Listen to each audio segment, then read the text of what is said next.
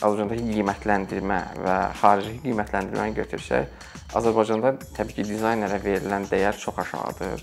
Çünki e, dizaynerin əsas funksiyası e, bir kontentin generasiya eləməkdir. Bir vizualı yaratmaqdır və bunu maksimum maraqlı yaratmaqdır. Əslində dizayner bir biznesin inkişafına təkan verən adamdır. Sadəcə bizdə hələ ki şirkətlər onu onun mahiyyətini, yəni dizayner mahiyyət demirəm, ümumiyyətlə reklamın mahiyyətini tam dərk eləmirlər. Nə vaxt ki buna xərc kimi yox, buna bir e, yatırım kimi baxacaqlar, onda yaxşı daha yaxşı dizaynerlərlə işləmək istəyəcəklər. Bu işə daha çox pul vermək istəyəcəklər.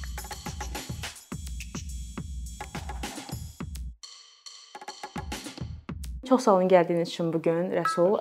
Bildiyimiz kimi təzəlikcə, artıq bilmirəm təzə demək olarmı, amma sərgilərdə sizi qrafik dizayn əsasları kitabı ilə görürük.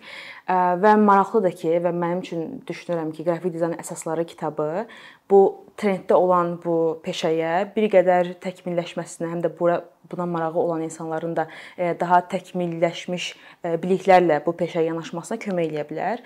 Və maraq demişkən də düşünürəm ki, siz də bunun fərqindəsiniz ki, bu peşəyə hazırda hədsiz çox istək, tələb və maraq var. Bir peşəkar kimi bu işdən uzun müddət məşğul olan bir insan kimi siz necə düşünürsüz? Bu maraq hardan yarandı və necə oldu ki, birdən-birə qrafik dizayn sahəsi hamının istədiyi və hamının belə deyək də yönəldiyi bir sahə oldu. Çünki mən görürəm ki, magistr sahəsində, magistr təhsilini başqa bir ixtisasda almış insandan tutmuş abituriyentlərə qədər hazırda hər kəs bu hər kəs deməyim, əksəriyyət bu sahəyə yönəlir. Sizcə bu nəyə görə belə oldu? Birdən-birə necə belə bir bumeranq oluşdu? Ümumiyyətlə dizayna hal-hazırda bütün dünyada tələbat böyükdür. Xüsusilə yəni son dövrləri götürsək də. Amma təkcə qrafik dizayn deyil, ümumiyyətlə qrafik dizaynın müxtəlif qolları. Buna yeni yaranmış dizayn ixtisasları deyək ya UI UX-dir, motion dizayndır. Bunlar nisbətən daha cavandılar qrafik dizayna baxarkən. Amma bizdə hələ ki belə deyək, o keçid periodudur deyə, çünki biz çıxmışıq tamam ayrı bir rejimdən, düşmüşük kapitalizm rejiminə və təbii ki, özəl şirkətlər yaranandan sonra hər birinə ə, lazımdır ki, bir dizayner olsun, bir reklam şirkəti olsun, müraciət eləsin. Əvvəl necə idi? Əvvəl müxtəlif ə, dövlət strukturları çox az idi. Bakıda səhv eləmirəmsə bir struktur idi. Reklam bürosu idi, nəsə belə bir şey adı var idi. Ə, və sifarişlər ora gedirdi dövlət adından və onlar hazırlayıb göndərirdilər. Amma e, kapitalizm, yəni qərb belə dünyasının e, trendləri tam ayrı idi və biz artıq həmin o perioddayıq ki, o dizayn sistemi inteqrasiya edirik. Ondan da başqa bütün dünyanın qloballaşması, bu ə, rəqəmsallaşma prosesləri buna daha çox güc verdi. E, çünki insanlar artıq açıldılar dünyaya və hamıya əl çatan oldu ki, bu ixtisas nədir və hal-hazırda ixtisasların öyrənilməsi belə çox asandır. Məsələn, universitetə getməyib belə hansı bir ixtisas sahibi ola bilərsən. Bax bunlar hamısı dizayna çox böyük təsir göstərdi. Əsas mən deyim ki, iki faktor. Bir kapitalizmə keçid, ikincisi də rəqəmsallaşma. Bu ikisi təkan verdi ki, dizayn yavaş-yavaş başlasın formalaşmağa. Bu da Azərbaycanda, yəni e, belə deyək, respublikanın müstəqillik qazanmasına sonra təxminən 2000-ci illərin əvvəlinə təsadüf edir o inkişaf, birdən inkişafın başlaması. Ona kimi, məsəl üçün 90-cı ildən 2000-ə kimi bu işdə hardasa fəaliyyət göstərdi rəssamlar, kim ki Sovet vaxtı məşğul memarlar, rəssam konstruktorlar var idi, qrafik rəssamlar var idi. Daha əl bacarıqlı olan insanlar da belə deyək. E, söhbət şeydən getmir. Biri var ki, yağlı boyuna işləyən klassik rəssam tipi söhbət onlardan getmir. Onlar o ixtisas tamam ayrıdır. Bir də var ki, məsəl üçün kitablar üçün illüstrasiya çəkənlər var idi. Hər hansı bir mağazaların, nə bilim, interyerindən hansı bir e, ya da afişalar çəkənlər var idi. Bunların ixtisası biraz başqa. Bunlar qrafik rəssam deyilir. O adamlar bu işi götürdülər özlərinə. Sonra memarlar götürdülər bu işləri özlərinə. Çünki dizayn həm də layihələndirmə olduğu üçün bu dəqiq elmlərə daha yaxındır, yəni memarlıq kimi, nəinki daha çox rəssamlıq. Təbii ki, bu ikisinin e, ahəngidir. Amma 2000-dən sonra başladı artıq e, reklama agentlikləri qurulmağa. Təbii ki, əvvəl də var idi reklama agentlikləri, amma onlar onların funksiyası tam da reklama agentliyi tipli deyildi. Məsələn, mən o dizayn Azərbaycanda tarixini araşdırarkən ilk reklama agentliklərini Azərbaycanda yaranmış biraz belə deyim də vərəqlədim. Getdim onların sahiblərinə falan görüşdüm. Yetər qədər yaşlı adamlardı bunlar. Və onlar deyirlər ki, bizim əsas işimiz ondan ibarət idi ki, biz ən yaxşı əlaqə Türkiyə ilə idi. Müraciət edirik onlara. Onlar hər hansı bir materialları bizə göndərirdilər. Biz burada nəsə quraşdırırdıq və əsas da küçə reklam billboardlar idi, yəni böyük küçə reklamları idi, hansı mağaza üstü yazılar idi. Yəni bunlarla məşğuldur. Adaptasiya adlandıra bilərik bunu. Yəni yerli kontentin generasiyası çox aşağı idi. Daha çox xarici kontentin bura adaptasiyası baş verirdi. 2000-ci 90-cı əsr sonu 2000-ci illərin əvvəlinə isə başladı artıq yerli reklam agentlikləri formalaşmağa və bunlara dizayner tələbatı yarandı və son illərdə də deyək ki, son 10 il deyək də təkcə reklam agentlikləri deyil, həm də özəl şirkətlər öz daxillərində bir marketinq deyək ki, şöbələr daxilində və ya da müstəqil şəkildə dizayn komandaları qururlar. Bunun yaxşı tərəfləri də var, pis tərəfləri də var. Bu ayrı mövzudur. Ona görə də qrafik dizayna tələbat artıb. Onunla paralel də son illərdə dediyim kimi UI UX-dir, yəni interfeys dizaynı və motion dizayn, yəni animasiya falan belə bir şeylər. Siz sözünüzün əvvəlində qeyd elədiniz ki, bəs kapitalizmə keçidlə başladı demək olar qrafik dizayna maraq. E, kapitalizm demişkən biraz da bundan danışaq ki, indi bazarda istənilən əslində belə baxanda istənilən peşənin e, həmin sektorunda bu problem var. Bu bilmirəm lokaldır yoxsa beynəlxalq bir problemdir, amma indi də qrafik dizaynda bunu görürük ki, hətta bir çox qrupda vakansiyalar elan ediləndə, vakansiyalar yazılanda ona mütləq ona bir təzyiq gəlir ki, bu maaşa bu qədər iş mümkün deyil hansı bir insan işləsin. Və eyni də qrafik dizaynda da görürük ki, nə qədər çox kadr gəlirsə bu sektora, bir o qədər sanki maaşlar da, qiymətlər də bir o qədər düşür. Çünki bir insan sözsüz ki, rəhbərlər daha çox istəyər ki, az e, belə deyək də, xaric olunmuş pulla daha çox daha yaxşı iş götürsünlər, daha çox iş götürsünlər və burada artıq görürük ki, peşəkar insanlar o təcrübə ilə e, tutaq ki, öz işlərinə bir qiymət bəlli eləyiblərsə, belirləyiblərsə, e, daha az təcrübə ilə olan insanlar daha az qiymətə həmin işi görürsə, seçim onlardan yana olur. Bu problemlə necə mübarizə aparmaq olar bu sektorda? Mənə gəlir ki, bu istənilən ölkədə var, yəni bu məsələ təkcə dizayn deyil ümumiyyətlə. Məsələn, ən sadə bir şey götürək. Götürək Azərbaycandakı son illərdə taksi fəaliyyətini. Taksilərin sayı həddindən artıq artıb və bunun nəticəsində də qiymətlər çox aşağı düşüb. Yəni belə deyək, 2 manata sən tutaq ki, Yasamaldan gedə bilirsən Ağşəhər məsələn deyək. Bu da çox gülməli bir qiymətlərdir siz deyən kimi tələbatın çoxluğundan və istənilən keyfiyyətdə bir e, deyək ki, dizayner tapa bildiyindən sən ona müraciət edə bilirsən. Hə bu özü özlüyündə təbii ki, bazara təsir göstərə bilər, bazarın ümumi keyfiyyətinə təsir göstərə bilər. Amma ciddi şirkətlər, böyük şirkətlər ə, təbii ki, ucuz iş ucuz işə verib, ucuz işə qaçmaq kimi bir şeyləri yoxdur. Ona daha keyfiyyətli adətən reklam şirkətlərində çalışırlar və və yaxud da daha özünü göstərmiş cəmiyyət içində dizaynerlərlə çalışırlar. Ancaq ümumi Azərbaycan və Azərbaycandakı qiymətləndirmə və xarici qiymətləndirməni götürsək, Azərbaycanda təbii ki, dizaynerə verilən dəyər çox aşağıdır. Çünki e, dizaynerin əsas funksiyası e, bir kontentin generasiya eləməkdir bir vizualı yaratmaqdır və bunu maksimum maraqlı yaratmaqdır. Əslində dizayner bir biznesin inkişafına təkan verən adamdır.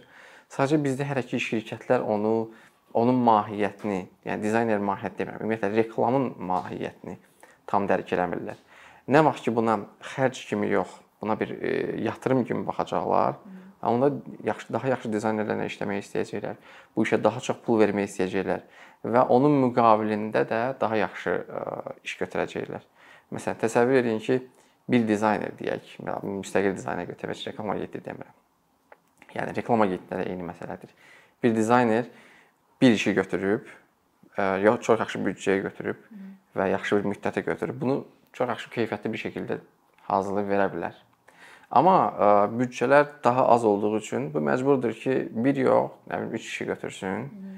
və hərəsinə onun vaxtını kəsib buna ayırsın, onun vaxtını kəsib buna ayırsın həm də layihələr arası ümumiyyətlə e, keçid eləmək də ideyanın formalaşmasına təsir edir. Yarımçıq bir iş olur istərsəniz. Bunlar da sözsüz ki, işin keyfiyyətinə təsir göstərir. O vaxt ki, Azərbaycanda marketinqin dəyərini anlayacaqlar. Bu nə üçün lazımdır? Bu alətdən necə yaxşı istifadə etmək olar? O zaman həm dizaynerə, həm marketinq, reklam sektoruna verilən işlərin keyfiyyəti də artacaq.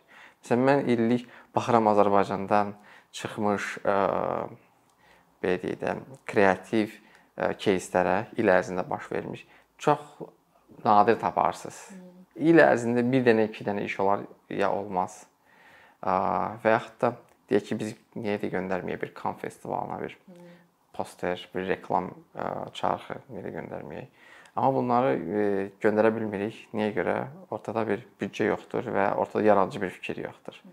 Bir çox hallarda artıq beyin qlobalda olmuş şeylərin burada adaptasiyasıdır, yəni eynisidir. Bizim məhsulumuz xaricdə bir müsabiqə üçün maraqlı deyil. Çox az sayda belə deyim кейslər çıxır. Mən də bunu müşahidə etmişəm ki, bizdə daha çox Əslində marketinqə biraz daha yaxınlaşma, biraz daha Facebook və Instagramın önəmindən sonra, reklam məsələlərindən sonra biraz daha sanki büdcə ayrılır, amma yenə də görürük ki, müştəri ilə reklam agentlikləri arasında biraz problem olur. Müştəri istəyir ki, ən az büdcə ilə ən yaxşı nəticəni alsın. Sonra da o reklam agentliyi də neynəsin? Məcbur qalır ki, o kreativlikdən mümkün qədər kəssin. O məşhur, biz bunu aha. məşhur memlər var, e, gözlənilən, müştərinin istədiyi və reallıq. Büdcəsi. Aha, eynən düzdür. və eyni zamanda o reklam agentlikləri də görürük ki, portfolyo portfolyoları bəzən onların da əksik qalır. Çünki müştəri ilə artıq onlar danışana qədər, onu başa salana qədər ki, bu büdcə ilə mümkün deyil bunu eləmək, onların da portfolyolarına belə deyək də o sizin dediyiniz kreativ yanaşması biraz ə, sanki onun vaxtından kəsilir və ona istənilən diqqəti göstərə bilmir. Və yaxşı məsələyə toxundunuz ki, Amma kreativ bir məsələ nə deyirsə, yəni mən demirəm ha Azərbaycandakı reklam agentlikləri və ya dizaynerlər zəifdir. Yox, çox yaxşı dizaynerlərimiz var. Evet. Çox yaxşı agentliklərimiz var. Amma onlara yaxşı büdcə ayrılsa, indikinin 5 qatını, 10 qatını daha yaxşı hmm. şəkildə fəaliyyət. Əlbəttə, məsələn biz lokal götürsək bizim regionu, Türkiyədəki marketinq bazarını, Azərbaycandakı marketinq bazarını biz yəni müqayisə edə bilmərik. Bəli. Çünki e, hədsiz dərəcədə doğrudan bir deyək də fərqliliklər və uçurum var doğrudan da. Amma sizin də dediyiniz kimi bundan qaynaqlanmır ki, bizdə kadr və ya bizdə yaxşı reklam agentlikləri yox təsvir olsun ki, burada məsələ tamamilə fərqlidir. Və eyni zamanda siz onu qeyd elədiniz, kreativlikdən danışaq. E, qrafik dizayn e, sizin də dediyiniz kimi hədsiz çox yerdə istifadə olunur. Bu brendinq də ola bilər, bu marketinq də ola bilər, bu başqa şey də ola bilər.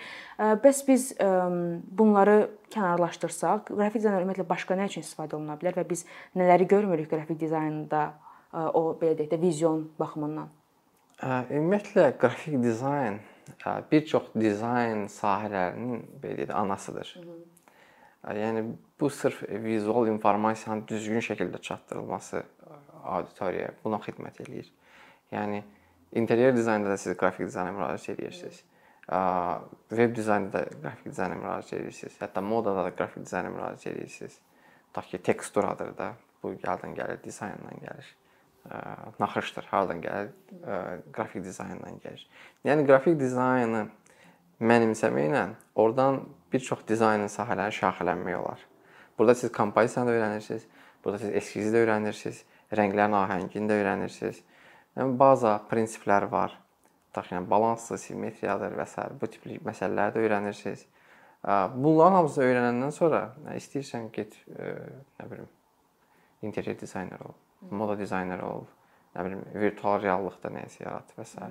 Yəni bir çox yerlərdə kitab dizaynı, mətbəə dizaynı, çap dizaynı və s. Və bunlar hamısı qrafik dizaynla şaxələnir. Ona görə bu bünövrədir. Mən düşünürəm ki, bunu öyrənən şəxs, yəni dizayn digər qollarına başlayan şəxs ilkin olaraq bundan ən azından bünövrəni başlamalıdır sonra digər yerlərə getməlidir. Bir də məsələn ənənələr var da. Biz dizayn daşıyıcı ə, ölkəsi deyilik. Biz onu sonradan mənimsəmişik. Düzdür, bizim ə, məsələn xalçalara baxanda baxırsan ki, bunu ə, neçə əsr əvvəl bir qadın toxuyub və yaxud da bir kişi toxuyub. Ancaq orada dizaynın bir çox əsaslarına rast gəlirsən. Burada ahəng var. Burada elementlərin təkrarlanması var. Burada simmetriya var. Burada rənglərin ahəngi var. Nəsə bir kompozisiya Bəli, var. bir kompozisiya var. Yəni Hı. burada bizim ruhumuzda var əslində. Biz təkcə biz yox, ümumiyyətlə şərq ölkələrini nəzərdə tuturam. Var, ancaq biz onu bir sistematik, bir elmi şəkildə formalaşdırılmasına çox gec gəlib çıxmışıq. Və bunun ümumiyyətlə reklamda, bunun bir biznes halında tətbiqinə biz gec gəlib çıxmışıq. Həmişə deyirəm, dünyada yaranıb reklam agentliyi deməli bir əsrə təxminən bir əsrdən daha çox əvvəl 19-cu əsrin sonunda bizdə yaranıbdır ki, 90-cı illərin əvvəlində bir əsr fərq var. Bizim indi keçdiyimiz period məsəl üçün mən qrafik dizayn əsasları kitabını yazdım. Bu indi nə qədər mən bunu o əsasdan yazdım ki, bir elmi bir şey olsun da. Bu işlə məşğul olan adam açsın oxusun ki, bu niyə belə olmalıdır? O suala bir cavab verə bilsin. Təbii ki, kimsə özü araşdırır, oxuyur, öyrənir, amma elə insanlar da var ki, dil biliyi yoxdur və da universitetdə qrafik dizayn təhsil təhsil alanlar var. Bunlar ə, bilirsiniz ki, el, tədris baxımından çox ə, kitab baxımından material demək olar ki, yoxdur, qıtdır. Ən azından məsələn mən oxuduğum dövrdə mən qurtarmışam moda dizaynını İqtisad Universitetində və məndə heç bir tədris yox idi. Məsələn, müəllim deyirdi ki, konspektlər idi müəyyən. Hə, deyirdi ki, budur, budur, qalanı da internetdən araşdır, oxu. Yəni bu özü özündə bir absurd bir şeydir. Çünki sən ə, universitet nədir? Universitet bir tələbəni akademik formada yerləşdirmək üçün bir yerdir. Okay? Amma sən onu deyə bilməzsən ki, get özünü araşdır. Bu özü gülməli bir hadisədir. Həm də ə, artıq 20 il keçib müstəqilliyimizdən bu yana ə, və 20 yox daha doğrusu 30 30 30 il keçib və 30 il ərzində bizdə bir qrafik dizayn barədə bir tədris forması, e, tədris kitabı formalaşmamışdı. Ona görə məsələn mən bunda özümdə yazma e, şeyi e, istəyi, istəyi məsuliyyəti hiss elədim və bunu ərsəyə gətirdim. Qrafik dizayn tanımı ümumiyyətlə dünyada yəni 1920 21 yoxsa 22-ci ildə qrafik dizayn termini. Baxın bizə nə vaxt gəlib? Sovet dağılandan sonra. Sovetin son illərində, artıq dağılandan sonra ilk illərində. Yəni böyük bir uçurum var. Yəni 100 il daldayıq. İndi get-gedə zaman azalır, amma yenə də ə, e, qlobal dizayn cərəyanından bizim ə, dizayn ə, e, cəmiyyətimizin arasında məsafə çox böyükdür. London Royal Art College-də bir 10 il sonranın məsələlər tədris olunursa, bizə də keçmişə baxırıq. Universitetdə 10 yox, 20 il əvvəlin məsələləri tədris olunur. Biz indi eləməliyik ki, 5-10 il sonranın məsələlərini artıq insanlara təlqin eləyək. Hmm. Bu artırılmış reallıqdır, bu virtual reallıqdır. Metaverse-dür məsələn. Bəli, bu tip şeylər. Doğrudur. Həqiqətən də ora gedir və burada dizayn edilən funksiyası nə olacaq? Hmm. Bunu təlqin eləmək lazımdır. Çox yaxşı bir məsələyə toxundunuz. Mən də bununla bağlı e, elə fikirləşirəm ki, sizə bir sual ünvanlayım. E, qrafik dizayn məsələsində siz hər zaman mətbuat tarixinə, ya da qrafik dizayn tarixi məsələsində e, mətbuat tarixinə mütləq bir göndərmə eləyirsiniz. Yəni oradan başlayırsınız hesablamağa. Bu mənə ona görə xüsusən maraqlıdır ki, mən özüm jurnalistika məzunu olaraq hər zaman mətbuat tarixini oxumuşuq, öyrənmişik, amma heç o baxımdan baxmamışam ki, bu bəlkə də bir başqa bir şeyin də əsasındadır, yəni Azərbaycanda. Və siz dediniz ki, 1920-lərdə qrafik dizayn termini bir tərif kimi bir belə deyək də bir Notion dediyimiz bir məhfum kimi yaradılıb. O zaman necə ola bilər ki, 1800-cü illərdə yaradılan bizim qəzetlərimiz, jurnallarımız, onlar necə Azərbaycanda qrafik dizayn tarixi hesab olunurlar və e, məlum mən əminəm ki, Əzim Əzimzadə olsun, Yosif Roter olsun, Xəlil Musayev və e, Oskar Şmerling hansı ki Molla Nəsrəddinin e, çox tanınan illüstratorlarıdır. Onlar heç qrafik dizayn mövzusunu özləri, yəni bu məfhumu özləri bilmədən necə olub ki, hazırda biz onlardan qrafik dizayn tarixinin əsasını qoymuş və ya bu sahədə nümunələr çəkmiş, bizə ötürmüş insanlar kimi hesab edə bilərik. Ümumiyyətlə e, dizaynın, yəni inkişafı bu texnologiya inkişafına paraleldir. Yəni ki, texnologiya necə çıxırsa, nə qədər inkişaf eləyirsə, dizayn da özünə onu uyğunlaşdırır, adaptasiya eləyir. Məsələn, e, Gutenbergin e, çap maşını yaranmasaydı 1400-cü illərdə kitab və ümumiyyətlə çap prosesi biraz daha gecikəcəkdi və o yaranandan sonra da artıq kitab tərtibatçılarının meydana gəlməsi formalaşır. Artıq müstəqil nəşriyyatlar yaranır və müstəqil nəşriyyatların daxilində də müəyyən kadrlar işləyir. Bu şrift dizayneridir. Bu ə, e, kitabın kompozisiya dizayneridir. Tutaq ki, yəni bizim sahəyə aid olacaq biləcək məsələlərdə. Bax bu artıq iki ixtisas formalaşdı. Düzdür, şrift dizaynerləri artıq demək olar ki, mətbəənin ə, e, özəl mətbəənin yaranmasına kimi var idi, amma az saydı. Bu təkan verdi ki, artıq özəl kitabın çıxması. təkan verdi ki, daha çox şrift formaları yaransın. Azərbaycana da biz gəldik, çıxdıq deməli, mətbəənin yaranması təsadüf eləyir 19-cu əsrin əvvəllərinə Şuşada Azərbaycanda yəni tarixdən belə görürük ki, Şuşada yaranıb. İlkin yəni informasiya ordadır. Düzdür, Cənubi Azərbaycanda daha tez yaranıb. Amma Şuşada 1812-ci ildə səhv eləmirəmsə yaranıb və bunu da yaradan İtalyan missionerlər gəliblər orada. Yəni bu biraz dini ədəbiyyatı çap eləmək üçün məqsəd daşıyıb. Ancaq hər bir halda yaranıb.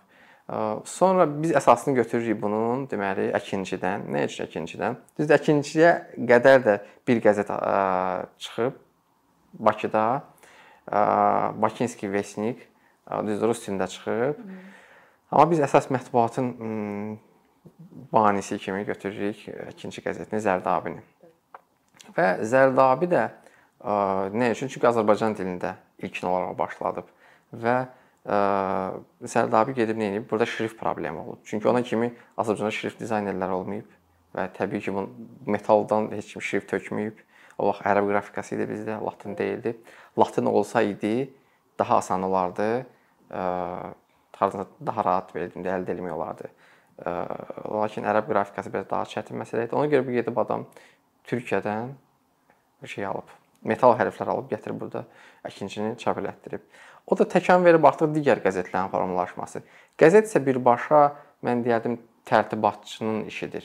Yəni qəzetin müəyyən tərtib olunma qaydaları var. Qəzetin bir loqosu var. Yəni düz o kalliqrafik loqodur. Məsələn, əkincini bir xəttat yazıb da, amma o da biz loqo sayırıq da. O da bir dizayn işidir. Kalliqrafi sənətidir, xəttatlıq sənətidir. Və artıq əkincidən başlayaraq gedib yeni nəşriyyatların formalaşması, Artıq 20-ci əsrin əvvəllərində Bakıda 20-dən 20 və qədər civarında belə bir nəşriyyat var idi. Ümumi Azərbaycanda da çox idi. Qubada var, bilirəm, Gəncədə var və s. Və bunlar sonradan deməli təkan veriblər litoqrafiyaya. Litoqrafiyada ağara çap deyil, bu rəngli çapdır. Daş basma üsulu ilə, daş basma üsulu deyilir.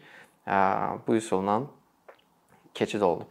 Amma bizdə ilkin əvvəllər dövrlər bilirsiniz ki, əsasən belə tip işlər olurdu Tiflisdə, Gürcüstanda. Çünki orada bu çap mətbəə işləri daha inkişaf eləmişdi Azərbaycana baxanda və deməli 1906-cı ildə Ömər Faiq Nemanzadə deməli Şaxtaxtadan o vaxt Şaxtaxtı işlətdiyi mətbəəni, Qeyrət mətbəəsi. Bəli, Qeyrət mətbəəsini Şaxtaxtı artıq işlədə bilmir bir dənə qəzetlə. Ona görə belə deyim, kasıblaşır və satmağa qərar verir. Ömər Faiq sağ olsun onu bir nəfər varlı adamın hesabına alır və verir Mirzə Cəlil orada Nəsrəddin yaradır. Düşünürəm ki, Azərbaycanın əsas qrafik dizayn bünövrəsi məhz Molla Nəsrəddindir. Çünki birinci ora gəldi artıq daha oturmuş qrafika, daha rəngli qrafika. Burada artıq dizaynla yanaşı illüstratorlar ortaya girdi və Azərbaycan ümumiyyətlə rəssamlıq məktəbi formalaşdı. Qrafik dizaynın məsələn kitabda da mən yazmışam, tarixinə biz baxanda qrafik dizaynın formalaşması, hansı yön alması ilkin olaraq rəssamlığın hansı yön almasından asılıdır. Yəni rəssamlıq bir cür çıxanda qrafik dizayn artıq oradan müəyyən elementləri götürüb öz işinə adaptasiya eləyir. Və bizdə də rəssamlıq məktəbinin formalaşmasından sonra sağ olsun Əzim Əzimzadə baxmayaraq ki, o da özü öyrənib, belə deyək, bir uşaq vaxtı bir rəssamla tanış olub, alman olub səhv eləmirəmsə, ondan müəyyən şeylər öyrənib və sağ olsun ki, o Azərbaycanın rəssamlıq məktəbinin əsasını qoyub. Belə insanlar çox vacib insanlardır. Düz təəssüf olsun ki, biz nə Əzim Əzimzadə, nə bir çoxlarını, heç Ömər Faiqin də adını bir çoxları unudurlar. Bəxti unutturmağa çalışırlar, bilmirəm. Amma bunları mütləq şəkildə ilkləri ümumiyyətlə mütləq şəkildə yadda saxlamaq lazımdır. Bunlar dağı deşib keçən adamlardılar. Və artıq Əzimzadə məsələn biz görmüşük ki, Əzim Əzimzadə nəyə bizə məlumdur? Komiks müasir dildə illüstrasiyaları. Ancaq Əzim Əzimzadə araşdırarkən mən müəyyən maraqlı nüanslar tapdım. Əzimzadə 20-ci illərdə deməli Cümhuriyyətin süqutundan deməli Sovet hakimiyyətinin burada bərpasından sonra, yəni işğalından sonra daha doğrusu Əzim Əzimzadə Bakkavrosta adlı bir burada Rostanın Bakı şöbəsi adlı bir yer qurulur və burada Sergey Gradetski adlı bir rus şair, rəssam olur, gəlir onu yaradır. Həmin o adamın yaratdığı deməli yerdə də Əzim Əzimzadənin çox yaxşı plakat işləri də var. Yəni bu birbaşa qrafik dizayndır artıq. Poster mühasirəçisi, poster işləri də var. Çox təəssüf olsun ki, Əzim Əzimzadənin poster işlərinin bir çoxu nə araşdırılıb ümumiyyətlə, nə də ki, cəmiyyətə bununla bağlı bir geniş informasiya verilib. Və biz onun o poster işlərini tapmaqda çox əziyyət çəkirik. Mən bir çox resurslardan çox çətinliklə tapmışam. Elələri var, hə, keyfiyyətləri pisdir. E, məsələn, onun ev muzeyində ümumiyyətlə mən rastlamadım onun poster e, posterinə. İncəsənət muzeyində var idi. Bəziləri oradan aldım. Rusiyada bəzi resurslardan tapdım. Axundovda bəzi köhnə kitablardan onun plakatlarını tapdım. Yəni pərəm-pərəm oradan buradan yığırsan. Yəni bu adamlar əslində dizayn düşünmürəm ki, agah idi. Bəlkə də kimdənsə indi Avropadan gələn şeylərdən eşidirdilər ola bilər. Amma özü özləri özündə bir daha çox bizə o vaxtda təsir var idi Rusiyanın. Onun təsiri altında bir şeylər formalaşırdı.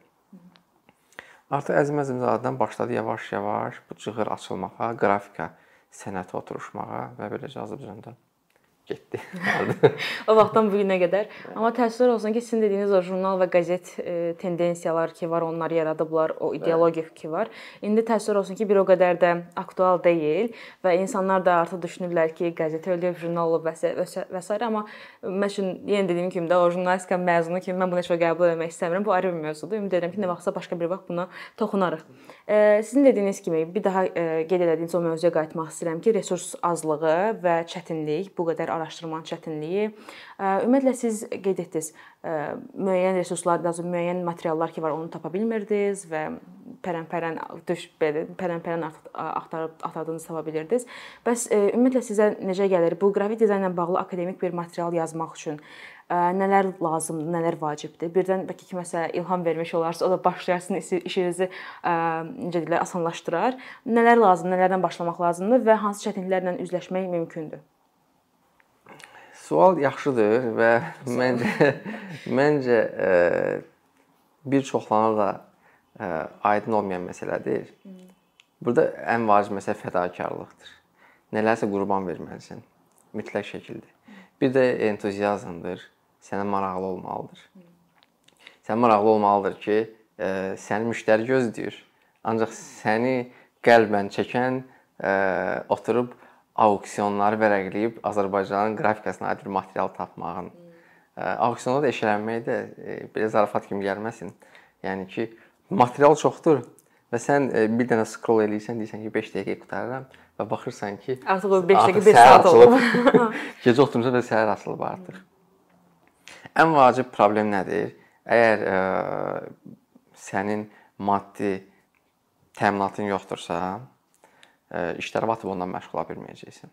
İndi çox şükür mən müəyyən dərəcədə özümü təmin edə bilirəm və ə, müəyyən şeylərdə qurban verirəm. Sözün həqiqi mənasında özümü tərifləmək üçün demirəm. Yəni problemdir əslində bu. Ə, əgər tutaq ki, məni bir institut maliyyələşdirsəydi və yaxud da məni bir özəl qurum maliyyələşdirsəydi, mən iş görməzdim, fokuslanardım buna. Amma mən məcburam həm işləyim, qazanım, həm vaxtımı sərf edeyim deməli, araşdırma. Və gündə 24 saatdır. Və işləyim. Əsas iki məsələ budur. Səndə e, işə qarşı bir sevgi olmalıdır. Təkcə işə qarşı yox, ümumiyyətlə yaşadığın yerə qarşı bir sevgi olmalıdır. Yaşadığın yerin insanlarının əziyyətlərini, çəkdikləri əziyyətləri, bunlar nələrdən keçiblər, onlar başa düşməlisən. Onu yaşamalısan və düşünməlisən ki, sən də müvəqqətisən. Ola bilsin ki, bir 10 il sonra, 5 il sonra, bəlkə də sabah olmayacaqsan. Ancaq səndən sonra bir nəsil gələcək o nəsil sənin yaşadığın problemləri yaşamasın deyə onlar üçün müəyyən bir şey qoyursan, bir daş qoyursan, onlar gətirib bu daşın üstə qoyurlar və düşünürəm ki, ancaq belə olan halda nədəsə inkişaf tapmaq olar. Məsələn, bu yaxında mən Qəyyur müəllimlə söhbət edirdim. Qəyyur Yunus var Azərbaycanın dünya şöhrətli rəssamıdır. O çox yaxşı bir məsələni mənə dedi. Dedi ki, nə üçün bizim rəssamlar dedi qaçırlar, tutaq ki, artıq Avropada çeynənilmiş mövzuları bir də özləri işləyirlər. E, nə üçün onlar öz yaşadıkları yeri araşdırıb özlərinə xas bir yeni bir şey ortaya çıxartmırlar. Həqiqətən bu sözün özündə böyük bir, bir hikmət var. Yəni bizdə çox zəngin bir həm vizual cəhətdən, həm tarix cəhətdən zəngin bir şey var. Amma vaxtı ikən bunlar detallı şəkildə araşdırılmadığı üçün biz onlardan yad qalmışıq. Düşünürəm ki, bu araşdırılsa və biz onlardan yararlansaq, zamanla özümüzdən də nələrsə kontent hazırlayıb və yaxud da bir stil ola bilər bir yenilik ola bilər, dünyaya ötürə bilərik. Ə, çox sağ olun Rəsul. Ümid edirəm ki, bu həm faydalı, həm də öyrədici bir söhbət oldu Buyurun. və ümid edirəm ki, bunun növbəti seriallarda çəkə bilərik. Çox sağ olun gəldiyiniz üçün.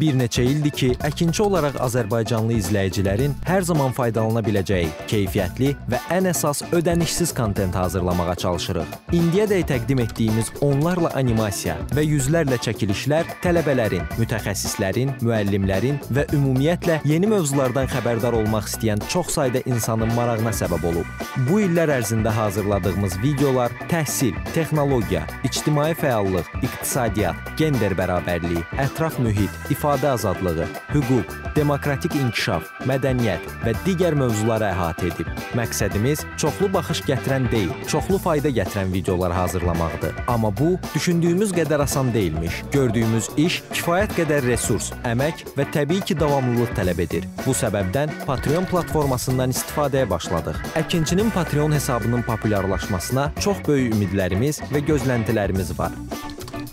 Bəziləriniz Patreon haqqında ilk dəfə eşidirsiniz. Əslində çox sadə izahı olan bir platformadır. Təsəvvür edin ki, siz rəssam və ya musiqiçisiniz. Sosial şəbəkələrdə sizi izləyən, işinizi bəyənən çox sayda insan var. Patreon platforması sizə imkan verir ki, izləyicilərinizin könüllü aylıq ödənişləri sayəsində işinizi davam etdirəsiniz. Sərgi, konsert zallarından asılı qalmayasınız. Amma bu təkcə rəssam və musiqiçilərə aid deyil. Məsələn, əkinçiyə bənzər fəaliyyətlə məşğul olan bəzi layihələrin 10 minlərlə patronu var. Biz də düşündük ki, nə üçün əkinçinin Patreon hesabı olmasın? Sizin dəstəyiniz sayəsində sayəsində biz daha çox və daha keyfiyyətli kontent yaratmağa davam edə biləcəyik. Amma bu dəstək yalnız maddi dəstək deyil. Dəstəkçilərimizin sayının artması gördüyümüz işlərin faydalı olduğuna dair əminlik verir.